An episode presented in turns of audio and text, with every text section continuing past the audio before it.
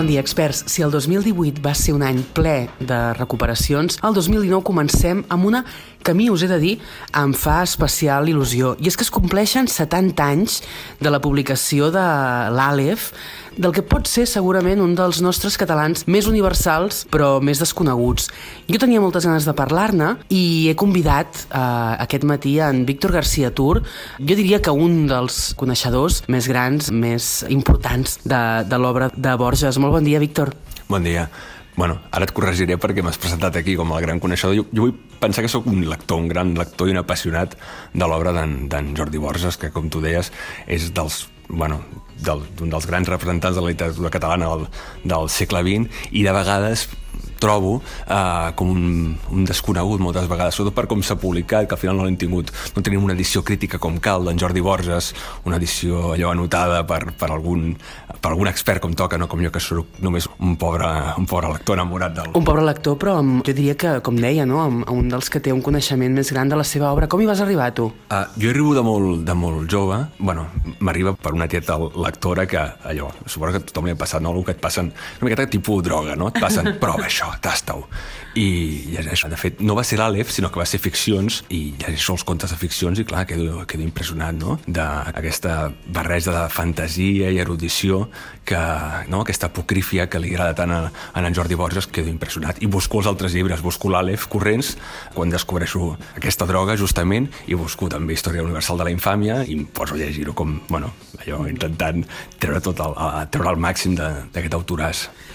També passa, i, i m'he trobat a, a molta altra gent no, aquests dies que, que es parla tant d'en Jordi Borges, que, ostres, ens arriba en castellà per primera vegada, no? I després descobrim que és un, un autor català i d'alguna manera això ens, ens destarota una miqueta. Clar, primer es publica en l'exili, la, publica la Verdaguer, eh, publica Maricel, mm, el pobre Borges, una, un dels, com, bueno, com tants altres autors, no? Uh, acaba l'exili, acaba a Buenos Aires i, per tant, es troba publicant en les editorials totalment despenjades, no? de, eh, que han quedat allò, una a Mèxic, l'altra a Buenos Aires, intentant recuperar una miqueta la, la vigència de, o l'activitat de l'elite catalana, però, però totalment eh, allò, marginals.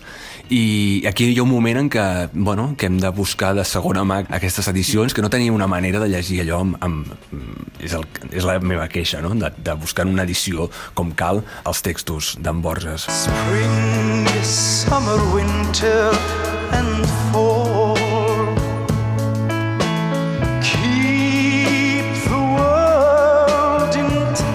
què creus que no hi ha hagut aquest interès de treure'l de les llibreries de segona mà, d'aquests preus desorbitats de vegades i, i no sé, i, portar-lo a una col·lecció de butxaca que fos assequible al lector català mitjà? Ara aquí aventuro una hipòtesi, però que té a veure amb la fantasia, la fantasia que hi ha el Borges. Sembla que el lector català per alguna raó és molt més planià, és molt més d'estar allò contacte amb la realitat i que la literatura no s'escapi, no? cap a no intenti uh, especular sobre, no sé, fer especulacions místiques com fa de vegades el, amb Borges, amb l'Àlef, per exemple, no? Hem volgut parlar amb tu també perquè en el teu proper llibre, que justament ha guanyat el Premi Mercè Rodoreda de Contes, li fas un homenatge en, en Jordi Borges, aquest El País dels Cecs, que dona nom al llibre també i que sortirà el proper 30 de gener.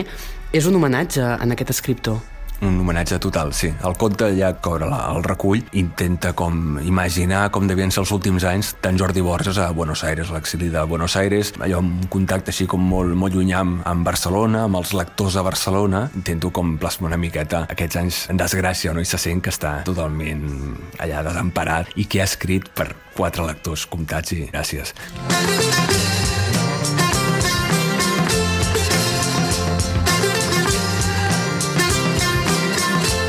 Ell arriba a tornar a Barcelona o, o mor a, no, a Buenos mor, Aires? Ell mor a Buenos Aires, no arriba a tornar mai. I es queda allà a l'exili, per tant mor sense saber si els lectors d'aquí l'havien llegit, li havien dit coses, perquè naturalment no hi havia xarxes socials en aquella època, no hi havia Twitter, no podíem saber quin era el feedback que tenien els lectors, i ell mor una mica doncs, allà també amb aquesta ombra de fracàs. Feedback zero, sensació de fracàs total, li passa factura com a d'altres escriptors durant l'exili, no? que semblava no? que podien, podien fer una carrera com cal, no? una carrera primer allò amb dignitat europea, per entendre'ns, és a dir, perquè hi ha un moment en què abans de la Guerra Civil que aquí tenim uns artistes molt preparats i que estan fent contribucions a la cultura europea de primer nivell i la guerra i l'exili després acaba amb tot això i crec que ell era molt conscient de que això de fet ho, ho intenta en, alguns contes imaginar que hauria passat al revés si hagués estat un autor d'una altra literatura d'una altra llengua, per exemple. posem per cas que fos argentí no? directament, segurament la recepció hauria estat molt més positiva Molt més, sí, sí.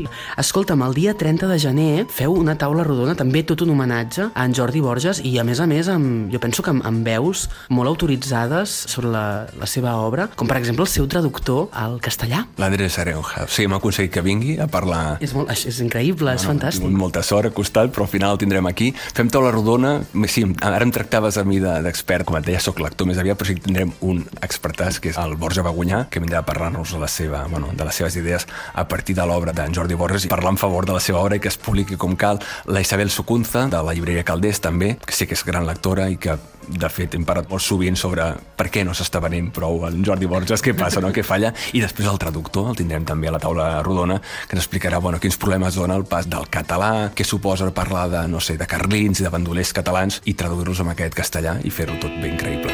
I want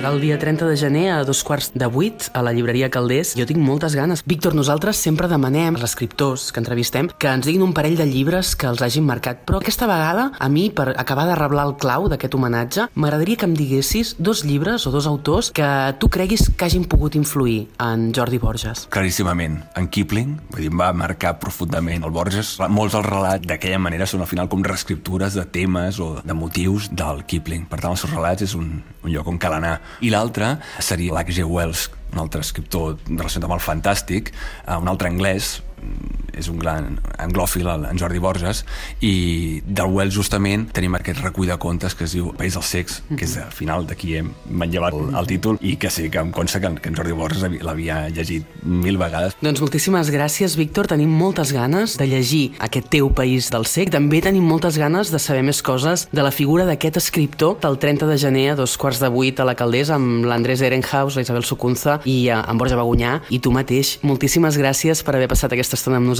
i molta sort amb aquest país dels secs. Moltes gràcies. Bon dia, experts. amb Albert Miralles i Roger Saró.